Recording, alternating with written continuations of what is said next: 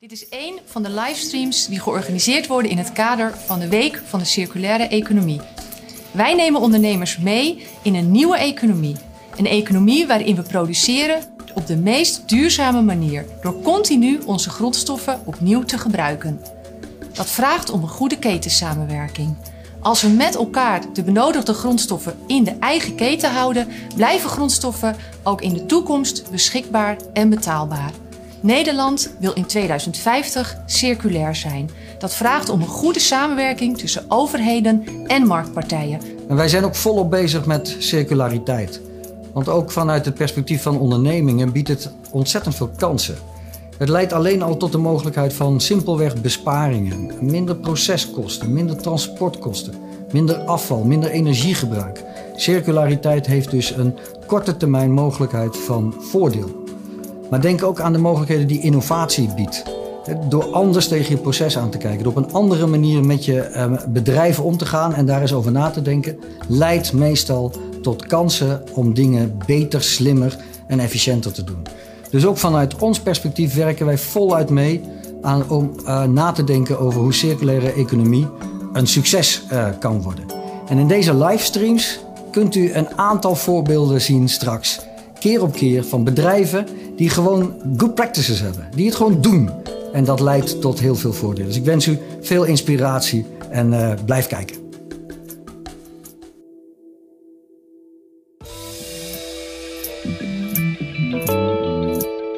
Welkom bij NH Next. Daar zijn we. Goedemiddag dames en heren en welkom bij NH Next. Het komende uur ben ik er met een bijzondere tafel.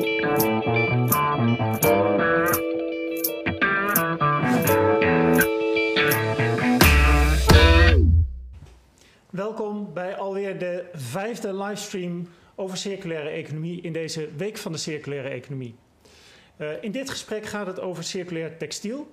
En ik zit hier aan tafel en digitaal uh, met twee ondernemers in circulair textiel en twee beleidsmakers die ondernemers hierin ondersteunen. En om het gesprek meteen op scherp te zetten, begin ik met een korte introductie over circulaire economie en de plek die daar volgens mij in zit voor circulaire textiel. Ik ben Frank Kuiper, ik werk bij de provincie uh, Noord-Holland. En uh, de provincie Noord-Holland die heeft een bestuur wat graag duurzaam wil doorpakken. En daarbij allerlei instrumenten heeft om ondernemers te helpen op hun circulaire weg. Onder mooie titels als PIM, PDNH, GoNH en Circotrax maar ook een innovatiefestival waarvan de eerste editie uh, hier in, Haar, in Alkmaar is geweest.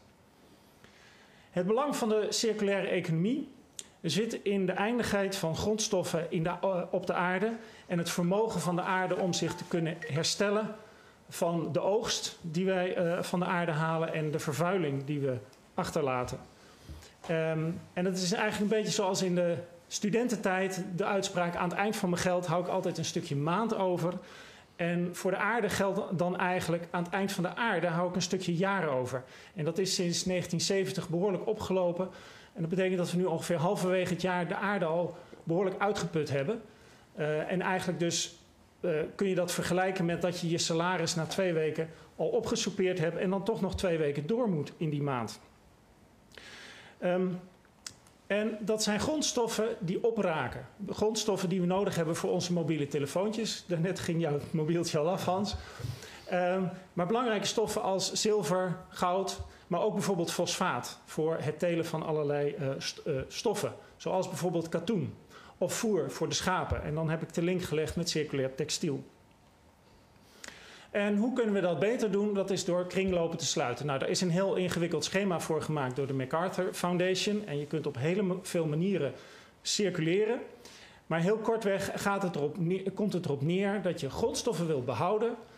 Alles wat je gemaakt hebt zo lang mogelijk wil gebruiken. En dat je binnen de ecologische veerkracht van de aarde blijft. En wat kunnen we daaraan doen? Nou, we kunnen, moeten ontwerpen vanaf het uh, circulair ontwerpen vanaf het begin van een product en van een productieproces. Zodat we het langdurig kunnen gebruiken, dat het nooit afval hoeft te worden, maar dat we altijd weer een nieuw product ervan kunnen maken en dat we met elkaar verantwoordelijk zijn om die keten te sluiten. En dat betekent een mindsetverandering van verbruiker naar gebruiker. En dan textiel. Uh, als je kijkt naar textiel, dan is het eigenlijk één groot drama. Een ecologisch drama, een sociaal drama en een milieudrama. Kijken we hier naar twee foto's van het uh, dan zie je links hoe het was en rechts hoe het nu is. Het is leeggepompt om katoenteelt mogelijk te maken. En de schepen van de woestijn die dobberden daar ooit eens echt en nu liggen ze letterlijk in een woestijn. En dan weten we dat heel veel kleding niet altijd onder sociaal wenselijke omstandigheden gemaakt wordt. Maar het allerergste is eigenlijk dat 30% van alle kleding die ooit gemaakt wordt, nooit in de winkel komt. En dat 55% maar heel kort gebruikt wordt en maar 1% echt herbruikt wordt als tweedehands kleding. Terwijl het een 10% van de CO2-impact op de wereld heeft.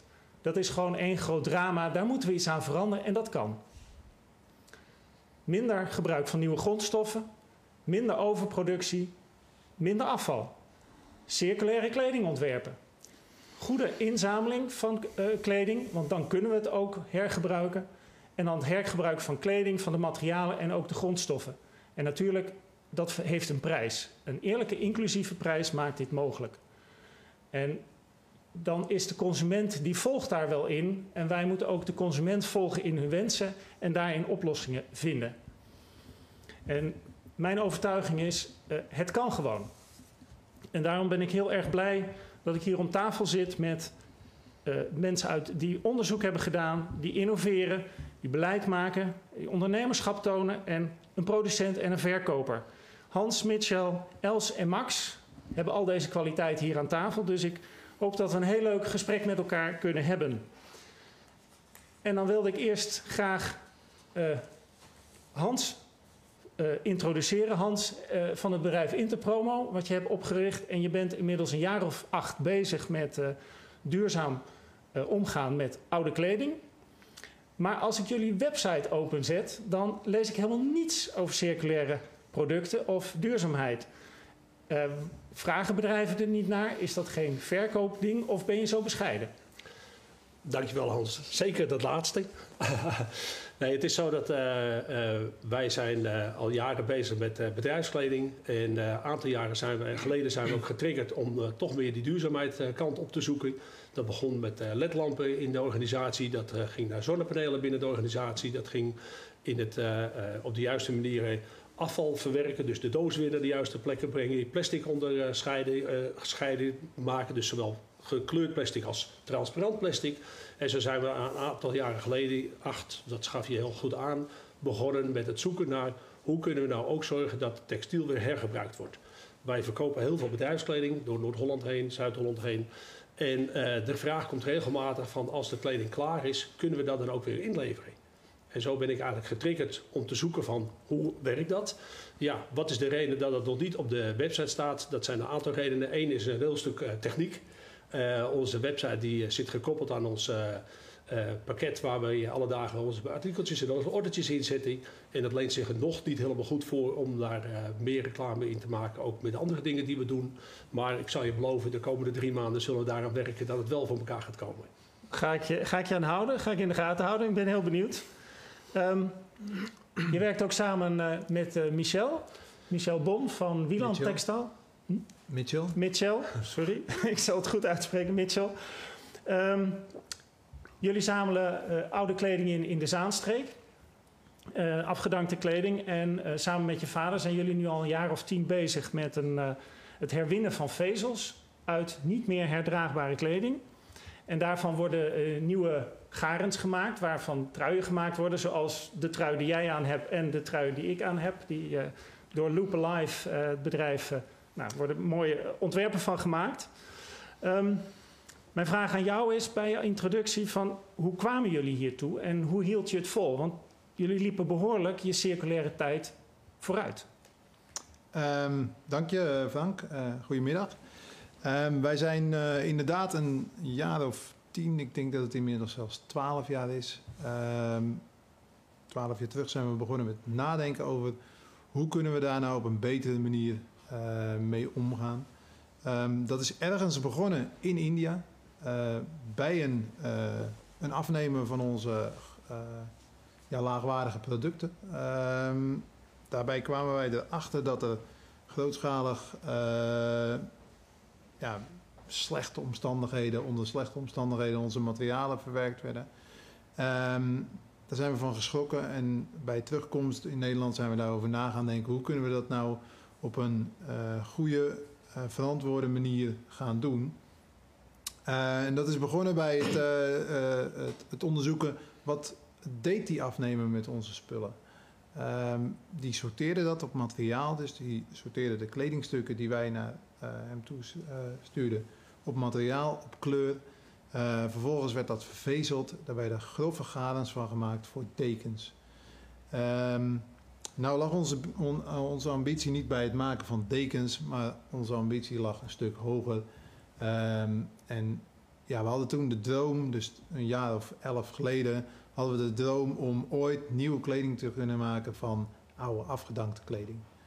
Um, nou dan kom je in een proces terecht waarbij je uh, bedrijven moet aanwenden die uh, technieken kunnen leveren uh, om materiaal te kunnen sorteren. Daarbij kom je in een ontwikkelingsproject terecht.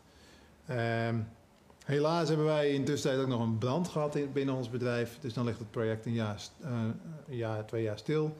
Ehm, en vervolgens zijn we nu nou ja, ongeveer twaalf jaar verder. En zijn de eerste prachtige truien ehm, door Loopalife gemaakt van materiaal uit onze sorteermachine, de Fibersort. Je hebt hier ook wat voorbeelden liggen, want ik kan me voorstellen, het zijn allemaal verschillende materialen, allemaal verschillende kleuren. Um, dit is uh, ja, een, een, collectie van, uh, oh niet in mijn glas, van allemaal stoffen. Dit is één kleur, dat is dus makkelijk. En dit zijn allemaal verschillende kleuren. Jullie machine kan dat allemaal scheiden. Ja, het begint bij ons uh, in het bedrijf uh, het sorteren van tweedehands kleding. Uh, dat wordt deels ingezameld in, uh, in Zaanstad. het inzamelen doen wij niet zelf. Ehm, wij zijn puur een sorteerbedrijf. Dus wij tonen aan wat iets is en welke kwaliteit iets heeft. en dan kijken we op een zo duurzame manier wat we daarmee kunnen. Vervolgens is er dan een deel wat herdraagbaar is. Dat wordt verkocht als zijnde herdraagbare kleding. Dat is nog altijd het meest duurzame, want dan heb je het over producthergebruik. Uh, op het moment dat je uh, praat over de garens, dan heb je het over materiaalhergebruik. Um, wij zagen een ontwikkeling waarbij uh, het volume niet herdraagbaar steeds groter werd. Um, ik denk dat we daar verderop in het gesprek nog dieper op in gaan treden. Um, maar dan ga je sowieso ga je dan ontwikkelen om te kijken, oké, wat kunnen we daarmee? Want het niet uitdraagbare deel is, uh, heeft een lage waarde en dat zet het bedrijfsproces onder, onder druk. Um, dat wordt gesorteerd, dus het komt bij ons uit de sorteerfaciliteit uh, uh, bij Wieland Textiles vandaan. het gaat naar de fibersort toe op het moment dat het niet uitdraagbaar is en een monocomponent kledingstuk is. En een monocomponent kledingstuk wil zeggen, het is een kledingstuk wat bestaat uit één component. He, dus zoals de trui die wij aan hebben, die heeft geen voering, heeft geen vulling. Uh, het garen kan gemaakt zijn van verschillende materiaalsoorten, maar het zit wel in één garen en het is wel als één component. En dan, kunnen, um, jullie er, dan kunnen jullie er wat mee doen? Het gaat in de machine, in de fibersort machine. De fibersort machine kijkt naar de samenstelling van het materiaal, kijkt vervolgens naar de kleur en kijkt ernaar of het een uh, monocomponent of een, uh, of een monocolor of een multicolor kledingstuk is. Vervolgens wordt het dan uitgesorteerd zoals je het hier voor je ziet. Uh, dit is zwarte acryl. Uh, is al opgeschoond. Uh, dus de knopen, ritsen, labels zijn er al uitgehaald. en in principe is dit kant en klaar om vervezeld te worden en om nieuwe garens van te maken. Ja, wat een, een enorme ontwikkeling. Want dat is inderdaad, nou ja, 12 jaar ben je dan bezig om, om zover te komen. daarbij word je ook ondersteund door de gemeente Zaanstad, Els Lenting. Jij werkt voor de gemeente Zaanstad. Ehm, de gemeente heeft uh, het, bedrijf omarmd en uh, de mogelijkheid geboden om alle textiel in te zamelen in de, uh, in de gemeente. Um, en het is ook vanuit Zaanstad wordt het ook na nadrukkelijk gepromoot binnen de hele metropoolregio Amsterdam. Wat is, um, en daarmee ook de metropoolregio neergezet als een van de vier grote textielclusters in Nederland. Uh, waar komt die bestuurlijke en beleidsmatige ambitie van, uh, van de gemeente vandaan, of die belangstelling, en, en, welke ambitie hebben ze daarmee? En wat kan je als lokale overheid eigenlijk betekenen voor een bedrijf als Wieland en voor uh, circulair textiel in algemene zin? Ja, Uh, dankjewel Frank voor deze mooie vraag. Um, zoals Mitchell net al aangaf, uh, het textiel wat vanuit Wieland, maar ook vanuit andere sorteerders in Nederland verder verhandeld wordt, ja, dat belandt voor een deel op plekken, zoals Mitchell net omschreef. India, slechte omstandigheden en alle consequenties van dien. Het is ons textiel. De gemeente is de, degene de, verantwoordelijk voor dat textiel. En die verantwoordelijkheid wilden wij per se omzetten in goede daden. En we wilden niet meewerken aan een situatie zoals Mitchell net omschreef. En dat was het vertrekpunt. En wij kregen natuurlijk in die hele zoektocht naar de omgang van, uh, met dat textiel dit op ons pad. We kregen uh, Wieland op ons pad. Um, en besloten we in, de, in de hele opkomst van de circulaire economie om uh, samen met Wieland verder op te gaan trekken. Niet zozeer om Wieland uh, als bedrijf en als leuke organisatie verder te ondersteunen, want dat is op zich nobelwaardig. Maar daar zijn we niet als gemeente toe op aarde. Maar we zijn ervoor om één, de kosten voor onze burgers te beheersen. Afvalverwerking kost heel veel geld. Het verbranden van al dat textiel dat we niet gescheiden inzamelen dat is een toenemende kostenpost, waardoor onze afvalstoffenheffing uh, enorm aan het stijgen is. Het tweede is werkgelegenheid. Wij willen in Zaanstad deze industrie verder laten ontwikkelen. We willen veel bedrijven naar ons toe trekken. En dat betekent uh, het faciliteren van een high-tech, robotachtige omgeving. Dat betekent dus iets anders dan uh, waar we vroeger vanuit gingen, vodden is, uh, um, is, is kleinschalig en uh, micro. Dit is grootschalig en dit is high-tech innovatie. Dus dat vergt ook iets anders. Nou ja, uh, en als, als grootste drijfveer is natuurlijk gewoon de hele milieuopgave, de milieuprestatie die we hiermee kunnen leveren. Dit kan betekenen dat we wereldwijd een nieuwe trend gaan inzetten en dat willen we vooruit jagen. Mooi, dat is, uh, dat is een hele mooie ambitie en uh, dat komt hier mooi aan tafel. Uh, je noemt al iets van ja, dat vraagt ruimte. Max Melging, jij bent digitaal met ons verbonden. Ja. Um, jij hebt, je werkt bij de provincie, maar naast, daarnaast doe je ook nog een studie stedenbouwkunde. En als eindproject had je daar het kijken naar wat betekent eigenlijk circulaire verwerking in de ruimte. En toevallig uh, was er een plekje in Antwerpen wat jij mocht uh, gaan invullen. Uh, en je hebt gekeken ehm, wat, wat je daarmee kunt doen. Zowel van inzameling, verwerking als verkoop. En heel fijn dat je wat highlights uit jouw onderzoek van over de grens met ons wil delen. En ik heb ook begrepen dat een van de redenen om het in Antwerpen te doen is dat Belgen twee keer zoveel kleding weggooien als wij dat doen. Maar dan ga ik je te veel gras voor de voeten wegmaaien. Dus vertel je verhaal. Ja, uh, dankjewel voor de introductie, Frank. Uh, ja, waar het eigenlijk op neerkwam is, uh, ik ben uh, dus stedenbouwkundige, maar daarnaast volg de deeltijdmaster stedenbouw aan de Academie van Bouwkunst in Rotterdam. En um, waar het bij dit project om ging, was eigenlijk om de petrochemische industrie, die ja, veelal aanwezig is in de haven van Antwerpen, te vervangen voor een nieuwe economie. En nou ja, toen heb ik een beetje onderzoek gedaan en eigenlijk kwam ik al heel snel erachter ja, dat die textielrecyclingindustrie eigenlijk nog helemaal niet bestaat. En ja, alle onderzoeken die ik daarna heb gedaan, die waren eigenlijk best wel schokkend. Dus toen dacht ik, nou, hier moet ik iets mee gaan doen. En uh, nou ja, een aantal feitjes die me bijvoorbeeld heel erg opvielen was dat we sinds 2000 twee keer zoveel kleding zijn gaan kopen. Maar dat zoals Frank ook al in het begin had geïnteresseerd, maar slechts 1% van het textielafval daadwerkelijk wordt gerecycled. En daarnaast is de gemiddelde afvalwaarde van textiel zo'n ongeveer 500 miljoen dollar per jaar. En uh, nou ja, voor mij als stedenbouwkundige is het onderzoek natuurlijk heel belangrijk om zeg maar, een ruimtelijke basis te scheppen. Maar het moet daadwerkelijk ook uh, kunnen gaan landen. En op die manier uh, heb ik gekeken naar een drietal factoren. waar zeg maar, de textielindustrie zoals we die nu kennen invloed op heeft. En dat is eigenlijk het milieu, het sociale aspect en het gedrag. En nou ja, later zou ik daar nog even wat meer over toelichten. Kan jij uh, aangeven, is textielrecycling op welke schaal dat het meest effectief is? Is dat een, nationale opgave, een regionale opgave, zoals bijvoorbeeld de metropoolregio? Of is dat ook op een lokale schaal van een grote of kleinere gemeente haalbaar?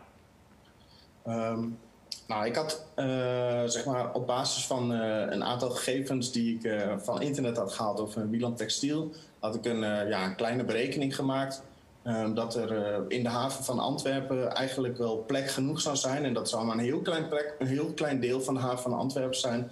Om eigenlijk de 15 grootste vervuilers van Europa uh, al textielafval daar te kunnen gaan recyclen. Dus uh, ja, met eigenlijk een aantal kleine ruimtelijke ingrepen kan je eigenlijk al grootste dingen bereiken. Voor heel Europa? Ja, voor heel Europa. En hoe, groot, hoe, hoe groot is dat terrein dan? Ja, je zou ongeveer 2 miljoen uh, vierkante meter nodig hebben daarvoor. Dus dat is, uh, even kijken hoeveel hectare is dat ook weer? 200? Goed, dat ga jij uitrekenen. ja. Um, nou, we hebben uh, iedereen nu geïntroduceerd. En dan is uh, ook de vraag van, kijk, de, de, de, keten is veel langer. Daar is al bij stilgestaan. Hè. We, we, krijgen grondstoffen de, uit het ene deel van de wereld. Dat komt hier binnen. En uh, als we het niet goed hier binnenhouden, dan wordt het weer afgevoerd naar een ander deel van de wereld. met alle milieugevolgen van dien. Wat is er nodig om een gesloten schakel in die keten in, in Noord-Holland te creëren? Dan kijk ik even naar. Uh, wat, wat, wat hebben jullie nodig? Kunnen jullie. Hebben, jullie, hebben jullie straks een rendabel model als je alleen in, in Zaanstreek of alleen in de metropoolregio. En kun je dan uh, alle textiel opnieuw ver, verwerken en opnieuw gebruiken? Um, ik denk dat dat ergens in een droom wel zou kunnen. Um, maar wij aan het einde van de keten hebben te maken met hetgeen wat door een ander geproduceerd is. En wat je veelal ziet uh, in de textielwereld, dat er bij het maken, het ontwerpen van het product niet nagedacht wordt over het afdankmoment van het product. Um, ik gaf net al aan dat uh, we zijn nu in staat om een, een monocomponent kledingstuk te sorteren. Um, we sorteren nu, we kunnen nu ongeveer zo'n 15 tot maximaal 20 procent van wat er bij ons door het bedrijf heen gaat, um, met de fibersort sorteren. Zo'n 50 procent, 55 procent van hetgeen wat door onze fabriek heen gaat, is niet herdraagbaar. Um, en ik denk van het niet herdraagbare deel dat het ongeveer zo'n 10 procent is, wat uh, op dit moment dus met de machine te sorteren valt en dus hogerop uh, te recyclen. Um, dus, dus jouw, oproep dan... is, jouw oproep is eigenlijk dat dat circulaire ontwerp ja. al bij de producenten ja. Een ding moet zijn. Kijk, natuurlijk zullen wij ons uh, verder moeten ontwikkelen en natuurlijk zullen wij ook uh, in staat zijn om op een gegeven moment meer te kunnen recyclen. Um, maar alsnog hebben wij te maken met het product wat een ander gemaakt heeft. En als het bij het maken van het product al over nagedacht wordt, uh, dan maakt het voor ons het proces alleen maar een stuk makkelijker. Dan, dan kijk ik even naar, uh, naar Hans. Jij, jij koopt producten in. Ja. Is dat een onderwerp wat jij bij de inkoop mee laat wegen? Um, nog lang niet goed genoeg, laat ik het zo zeggen. In sommige gevallen wel, maar heel vaak nog niet. Uh, kijk, we weten onder andere dat katoen best uh, goed te hergebruiken is voor een bepaalde periode. Maar ja, katoen uh, in onze branche is het zo dat het, het krimpt, het verkleurt en dat willen de mensen niet. Dus we zitten al heel vaak dat we geneigd zijn om daar polyester katoen materiaal toe te gaan. Vanwege alleen maar dus de krimp en de kleur. maar ja, polyester katoen is alweer een lastiger dingetje om dat te gaan scheiden. Dus helemaal terecht dat we moeten veel meer gaan kijken vanaf het moment van productie. Welke stappen moeten er genomen worden in de productie, wat we ook weer nadat het gedragen is weer kunnen gaan gebruiken. Alleen dat wordt, ja, dat wordt niet gedaan. Uh, en dan kunnen we dan wel als eenling zeg maar zijnde op in gaan werken door te zeggen, joh, we willen dat alleen maar op die manier verkopen. Maar dan heb je ook weer te maken met de hele marktwerking. Dan, uh, dan kijk ik even naar uh, het beleid. kunnen, kunnen we daar regels aan stellen? Omdat, want kijk, het zijn eenlingen. Um, en beleid gaat natuurlijk voor iedereen. Nou, waar we in Nederland mee bezig zijn, is met een industriële agenda voor de hele recycling van al het huishoudelijk textiel. En daarvoor hebben we binnen het Zaanse coöperatie onder de noemer Innovation Center for Circular Textiles hebben we business cases ontwikkeld. Waar je dan uitkomt is dat je in Nederland zo'n beetje plek hebt voor drie of vier grotere uh, locaties waar het textiel ge, uh, gesorteerd wordt. Uh, met fibersort wordt nagesorteerd en vervolgens waar het textiel wordt verwerkt tot dit soort materialen dat geschikt is om vervolgens tot garens te worden vermaakt. Er zijn allerlei samenwerkingsverbanden inmiddels opgezet, ook in het kader van de Denim Deal, die het ministerie met Amsterdam en de Amsterdamse regio heeft geïnitieerd, waar wij ook sterk bij betrokken zijn geweest. En dat maakt dat we de, de, de vervezelaars en de spinnerijen in de Turkije, met name Turkije, maar ook in Zuid-Europa, uh, goed hebben weten te verbinden met partijen zoals Wieland, die deze grondstoffen kunnen maken. Nou, zo'n hele industrie die is zich nu aan het ontwikkelen. Een, een kraamkamer, de innovatie die, die, die technologie ontwikkelt, die uh, staat op het punt van doorbreken in het Zaanse. Nou, zo'n systeem kunnen we exporteren naar zo'n beetje twee tot drie andere locaties in Nederland. En vervolgens kunnen we dat wereldwijd uh, uitzetten. Nou, dat kunnen we mede omdat wij ook sterk samenwerken, een sterk samenwerkingsverband hebben met het Leger des Heils. Natuurlijk een van de grootste inzamelaars wereldwijd van afgedankt textiel. Het ontwikkelen, de innovatie die we nodig hebben om van dat afgedankt textiel dit soort materialen te maken, ja, daar zijn we een heel eind mee op weg. Fibersort was daar een voorloper op. De eerstvolgende machines hebben we nu aangeschaft binnen het consortium van bedrijven. En we hebben nog één machine die we nu moeten ontwikkelen. Die ontwikkeling is nu gaande met de machinebouwer. En ik verwacht dat die in het loop van, van dit jaar uh, tot wasdom komt. En dat die kraamkamer er echt staat. En dat we in staat zijn grootschalig, industrieel dit soort grondstoffen te gaan produceren. En zijn het grondstoffen waar een markt voor is? Wat ik je net zei, die markt zit vooral in Turkije. Maar we zijn ook met Turkse bedrijven aan het kijken of we hun productieproces ook naar het Innovation Center for Circular Textiles kunnen uh, brengen. Zodat we zoveel mogelijk innovati innovatieve technologie in onze regio neerzetten. En dat is uh, ten gunste van, onze, van zo'n beetje nou, zo, zo uh, Noord-Holland, Utrecht, Flevoland bij elkaar. Geen Antwerpen, Max. maar zo'n soort volume heb je nodig om dat goed te kunnen draaien. En dat betekent ook dat die, die grondstoffen die we hier hebben, een deel daarvan kan uh, mechanisch worden vervezeld. Nou, we proberen een mechanische vervezelaar aan ons te binden. Zit in Turkije, zit in Frankrijk, zit in België. Maar we proberen hem ook naar Zaanstad te halen. En een deel, zoals jij zei, dat, dat die polykatoenen, fracties, die kunnen ook chemisch worden gerecycled.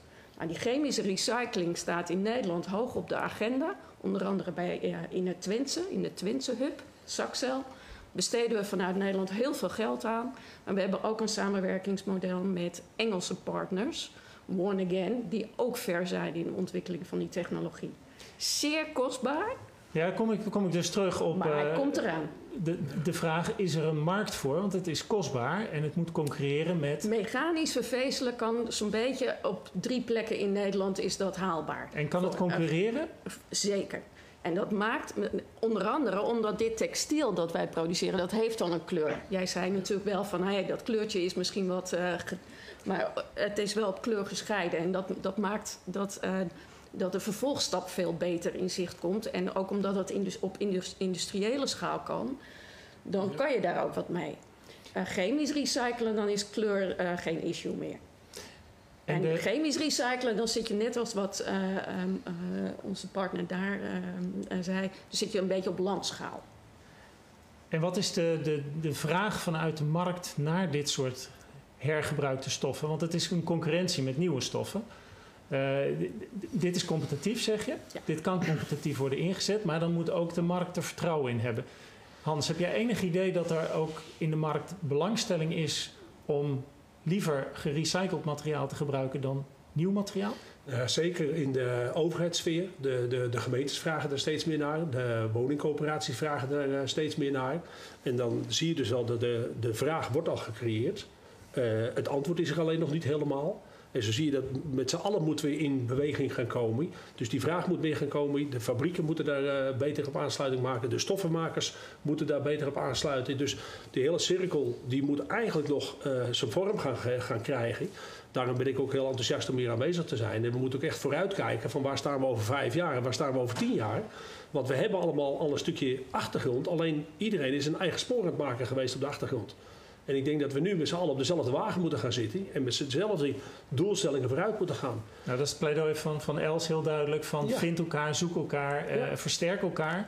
En wij als overheid, want ik werk natuurlijk ook bij een overheid die ook kleding aanschaft. ehm, wij zijn een launching customer. Wij kunnen die markt ook in beweging brengen, want dan gaat het balletje rollen. Ja, onder andere ja, absoluut dat de, de gemeentes als die daar al voorloper in zijn en het voor eh, de aanbestedingen daarin op die manier maken, dan kom je alweer een heel stuk heen. Wat ik al zeg, de woningcoöperaties, de grotere bedrijven, die zijn er echt allemaal wel bewust van dat we daar met z'n allen eh, eh, aan die hele duurzaamheidstraject mee moeten gaan werken. Wat ik leuk vind, en dan kijk ik even naar Max. Ehm, jij hebt eigenlijk wat hier nu aan, aan tafel komt, hè, van het, het, het, het, het inzamelen, het ontwerpen, het ehm, produceren, circulair produceren, eigenlijk in een soort textielboulevard uitgewerkt voor Antwerpen. Eh, heb Ja. je daar een paar plaatjes van die je kan laten zien? Ja, zeker. Ik zal even wat beelden delen. Eh, ik ga even mijn scherm delen dan nu. Want dat wordt eigenlijk het International Circular Textile Center. Nee, Innovation Center. Ja, Innovation Center, dan in. Antwerpen. Oké, Max, eh the floor is yours. Als het goed is, zien jullie nu eh, wat, wat beelden of niet? Ja. Ja. Ja, oké. Nou ja, zoals ik net al had aangegeven, eh, ja, waar het dus eigenlijk om gaat, is eh, dat de huidige textielindustrie zeg maar, negatief invloed heeft op milieu, sociaal en gedrag. En eh, nou, ik heb dus op die drie aspecten heb ik een eh, ruimtelijk ontwerp gemaakt. En dit zijn de impressies daarvan, van hoe dat er in de toekomst mogelijk uit zou kunnen gaan zien. Eh, nou, in eerste instantie heb ik op, op het gebied van milieu een, een denim drive ontwikkeld. Eh, dat is eigenlijk eh, een locatie waar zeg maar, het eh, proces van het recyclen van textiel wordt gestart. Maar daarnaast wordt het ook zeg maar, inzichtelijk gemaakt voor de consument. Dus als je daar rondloopt als bezoeker, kan je naar binnen kijken in die hallen, waar die machines aan het werk zijn, wat gebeurt er precies. Maar tegelijkertijd is het ook een plek waar je bijvoorbeeld je oude broek kan inleveren om die nieuw leven in te blazen met door middel van een nieuwe washing, zeg maar, zoals je hier de waslijn ziet hangen met de verschillende kleurtjes. Eh, nou, als tweede heb ik dan gekeken van, nou ja, hoe gaan we dat de sociale aspecten aanpakken? Heb ik gekeken naar eh, de kennisstrook. En het idee hierachter was eigenlijk dat, eh, dat er zeg maar, ruimte moet komen om onderzoek te doen zeg maar, naar de huidige methodieken zoals die nu zijn met betrekking tot textiel. Maar daarnaast moet er ook zeg maar, ruimte zijn om onderzoek te gaan doen naar zeg maar, nieuwere, eh, nieuwe, duurzamere alternatieven. Maar ook ruimte voor, eh, experimenten, eh, voor experimenten met hergebruik van de bestaande grondstoffen, zoals eh, die nou bij jullie op tafel liggen, onder andere. Ehm, en als laatste, om het gedrag te beïnvloeden, leek het me een heel goed idee om een soort grondstoffenpark te creëren. Waarbij men eigenlijk zeg maar erachter komt van ja, waar komt onze kleding en textiel nou eigenlijk vandaan? Maar ook om wederom weer te experimenteren met nieuwe grondstoffen. Want ja, vandaar dat je, dat je hier dus ook de schapen ziet en de alpaca, zeg maar. Het zijn allemaal producten waarmee je dus kleding en eindproducten kan maken. En eigenlijk niet meer standaard eh, dat katoen en polyester moet gebruiken. En dat was eigenlijk een beetje een visie. Nou ja, dit heb ik dus geprojecteerd op de haven van Antwerpen. Ehm, maar ja, dit zou eigenlijk gemakkelijk ook in Zaanstad kunnen. Alleen ja, dat heeft natuurlijk een andere ruimtelijke context. Dus er zou een beter passend ontwerp bij moeten komen. Maar de ideeën, zeg maar, en de visie en het veranderen van de mindset blijft hier, hierin eigenlijk uiteindelijk hetzelfde. Nou, dat ziet er, dat ziet er heel, erg, heel erg leuk uit. Eh, hebben we nog een ruimte voor een boulevard in Zaanstad? Zeker, die ruimte zijn we nu ook aan het eh, eh, reserveren hiervoor. Ah, Oké, oké. nou Max, eh, je weet waar je het moet wezen om jouw boulevard te realiseren. Er is inmiddels ook een... Ja, jullie, eh, jullie kunnen mij benaderen via de provincie Noord-Holland natuurlijk. En, Zullen we niet ja, laten, ik, ik Max? vind het eh, ook wel leuk om een keer zeg maar, het hele verhaal en het onderzoek toe te lichten als jullie daar eh, interesse in hebben. Ik vind het wel heel erg leuk. Alpaca's in de haven van Antwerpen. Er een gezellige sfeer daar. Ja. Hè? Ehm, ik kreeg een vraag binnen. Eh, koningin Maxima die heeft een zogenaamde postzakjasje gehad. En de vraag was, hoe belangrijk is het dat er modeontwerpers zijn die laten zien dat eh, circulaire kleding gewoon hip is? Ik denk wel dat het belangrijk is. Het laat in ieder geval zien dat er over nagedacht wordt en dat er ook vanuit de nieuwe industrie mee bezig, dat ze ermee bezig zijn. Dat er tijd ingestoken wordt. Ehm, dat ja- jasje van, eh, van Maxima is leuk. Eh, het is een item. Ehm, ik zou graag willen zien dat het op grote schaal toegepast wordt. Eh, en dat het niet om een, eh, een, ja, een, een één item is wat eh, ehm, eh, gepubliceerd wordt, maar dat het gewoon mainstream is. Dus dat het op een gegeven moment normaal is dat er post-consumer materiaal in kleding zit. Maar het is natuurlijk wel zo de, de, de voorbeeldfunctie die daarvan uitgaat. Want eigenlijk wat je nu ziet uh, richting jongeren is fast fashion. Hè? Je koopt een grote doos vol met spullen en dan is er iemand die gaat dat uitpakken en die geeft er commentaar op en die krijgt er ook voor betaald. En vervolgens zijn er heel veel jongeren die dat gedrag kopiëren. En dan krijg je dus een, uh, een heel ander signaal. Dat zou je eigenlijk moeten hebben voor circulaire kleding. Zo'n doosje, klein doosje. en en dat, dan zo'n influencer die laat zien, zo kan het ook. Ik denk dat die er ook wel zijn. Uh, maar dan heb je het nog steeds over een, ja, een, een eenling. Of misschien dat het nog een aantal zijn, maar het is niet op grote schaal. En de fast fashion laat duidelijk zijn, hoeft niet per se slecht te wezen. Uh, op het moment dat het invoermateriaal van de fast fashion post-consumer materiaal is, dus dat er voor minimaal 20% in elk kledingstuk zit, post-consumer materiaal in elk kledingstuk zit, dan is de fast fashion helemaal niet erg. Als er maar de juiste materialen gebruikt wordt. Nou ja, om een levensduur langer te laten worden van het kledingstuk, kan je natuurlijk ook andere inzichten gaan uh, krijgen. Kijk, uh, ontwerpers die willen natuurlijk iedere keer wat anders ontwerpen, want ze willen origineel zijn en dat, dat is hun taak ook en dat moeten ze ook blijven doen, want dat houdt de, de, wereld verfrissend, om het zo te zeggen. Maar we hebben natuurlijk ooit in de jaren 70 hebben we broeken gehad met wijde pijpen. Uh, jaren later waren die wijde pijpen weer verdwenen. langzamerhand kwamen die wijde pijpen weer. Opeens waren ze weer verdwenen. Nu is het allemaal weer heel erg skinny. misschien moeten we wel juist naar mogelijkheden zien te vinden dat je met je spijkerbroek anno 2019 naar een lokale uh, atelier zou kunnen gaan en dat die vermaakt kan gaan worden naar 2021 om de levensduur van diezelfde broek te verlengen. Alleen dat wordt op dit moment niet gedaan, maar misschien moeten we juist dat soort inzichten veel meer gaan bekijken. Hoe kan je iets langer laten gebruiken? Dat is ook wel leuk aan dat concept van Max, dat je allerlei uh, ja. aspecten van die circulaire textieleconomie kan uh, groeperen en bij elkaar kan halen en elkaar kan laten versterken. Aan de ene kant werken we natuurlijk aan, aan het uh, recyclen van de garens en van de vezels die in dat afgedankte textiel zit. En van de andere kant wil je natuurlijk dat textiel veel langer gebruikt wordt. En wat we net al met de cijfers die je net aangaf, van het textiel dat maar één keer wordt gebruikt of zelfs niet eens de warehouses van de, de grote bedrijven uitkomen. Ja, dat is natuurlijk ook wel weer een andere uiterste. Ja, en ik denk dat het ook belangrijk is om inderdaad een nieuwe generatie op te leiden. En er zijn natuurlijk ja. hele mooie boeken ook voor uh, lesprogramma's voor om juist uh, minder gevoelig te zijn voor influencers en bewust te zijn van de eigen impact die ze hebben op, uh, ja. op kleding. Ik zie hier ook een vraag. Ehm, de vraag over steeds meer duurzame materialen op meer natuurlijke basis worden gebruikt. Betekent dat ook dat een natuurlijke grondstof beter recyclebaar is? En ik vermoed dan uh, wol en, en uh, katoen makkelijker is dan polyester. Nou, wat we nu vooral zien is dat het te maken heeft met waarde. Uh, wol heeft een hoge waarde, katoen heeft een hoge waarde. wol, post-consumer wol is eigenlijk een industrie, of daar zit een industrie achter die nou, de laatste tien jaar niks anders doet als oude wollen producten vervezelen en daar nieuwe garens van maken. Um, wel was het zo dat uh, er werd met de hand gesorteerd. Dus het, het, materiaal wat gebruikt werd was nooit zuiver. Of in ieder geval, uh, men ging ervan uit door middel van voelen en brandtechnieken te doen dat het van 100% wol was. nu wij het kunnen sorteren met onze machine en dus een veel hoogwaardiger materiaal kunnen leveren, zal het product ook beter zijn. Um, katoen. Katoen is een prachtig product. Um, is een natuurlijk product heeft een vrij hoge waarde en is relatief makkelijk te vervezelen uh, en uh, is relatief makkelijk een nieuw garen uit te spinnen. Uh, bij polyester bijvoorbeeld, om dan naar de chemische variant te gaan, of in ieder geval de synthetische variant.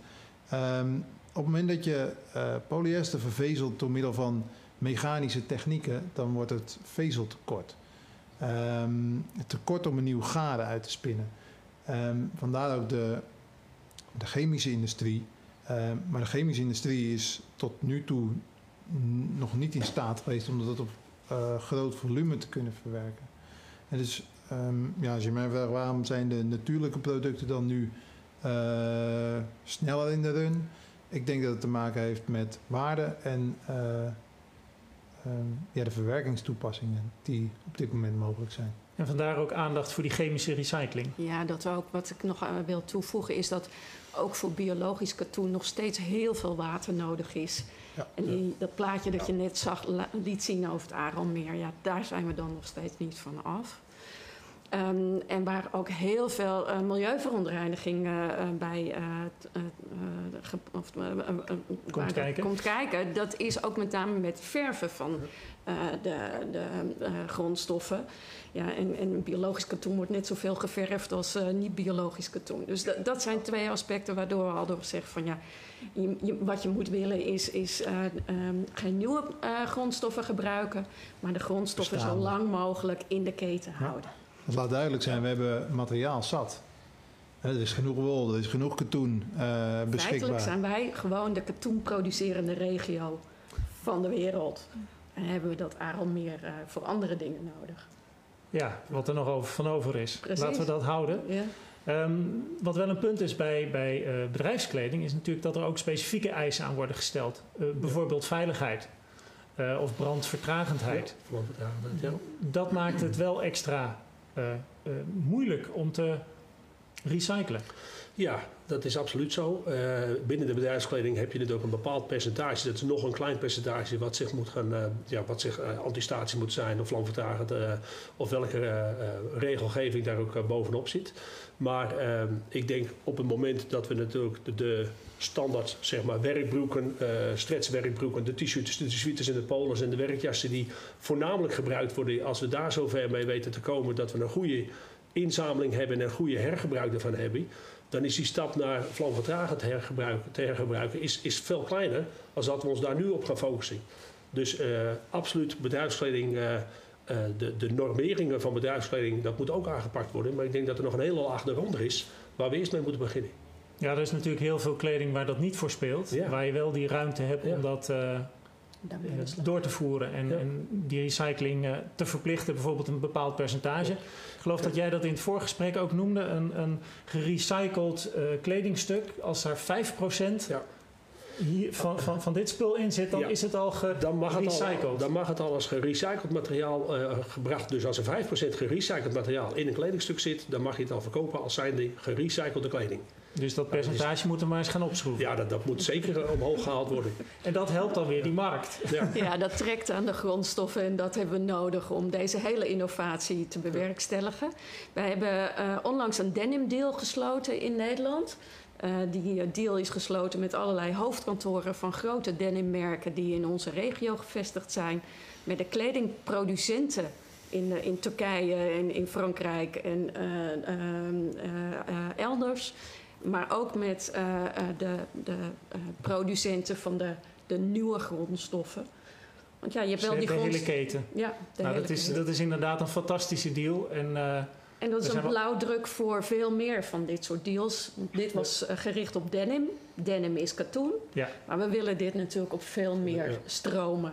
Als, maar je moet ergens beginnen. Je moet ergens beginnen. En daar kunnen we inderdaad in Noord-Holland ook trots op zijn dat we daar ook voortrekken in waren.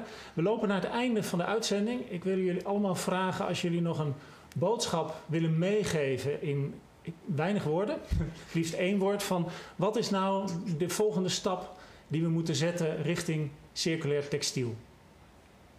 Zal ik hem aftrappen dan? Ja. Trap, trap jij maar. Um, ja, um, ik heb die vraag uh, vaak gekregen. Um, ik denk dat het gaat om bewustzijn. Bewustwording. ja, bij de burger, denk na over hetgeen wat je koopt. Ga er niet vanuit dat het meteen het duurste, het meest duurzame is. Uh, maar doe net als met het voedsel wat je eet, een beetje research in waar staat een merk voor, wat doen ze, welke materialen gebruiken ze. Heel mooi. Um, Hans? Ja, starten. Dus bewustwording en uh, starten. Dus uh, direct beginnen met hetgeen waar je mee bezig bent. Super. Els? gooi je kleding niet in de grijze zak. Zamel hem apart in. Want dan haalt Mitchell hem op. Max, heb jij nog een laatste opmerking? Ja, ik denk dat het gewoon erom gaat dat je gewoon langer met je kleding gaat doen in de toekomst. Dus uh, die mindset veranderen. En ik denk ook dat de grote bedrijven en de consumenten daar in hun handen in één moeten gaan slaan in de toekomst. Dankjewel. Nou, hartstikke mooi om hiermee af te sluiten. Uh, hartelijk dank voor dit inspirerende gesprek. Er is heel veel over tafel gegaan en er is nog heel veel reden om door te gaan, maar dat doen we buiten de uitzending. Uh, ik wil aan alle kijkers melden dat er morgen weer een livestream is. Uh, om 12 uur dan gaat het over circulair geld verdienen en hoe ondernemers dat doen. En ook vrijdag, dan is de zevende en laatste livestream. Die gaat over circulair renoveren en ontwikkelen. Uh, het pionieren voorbij in de bouwsector. Hartelijk dank voor nu en veel plezier morgen bij de volgende livestream.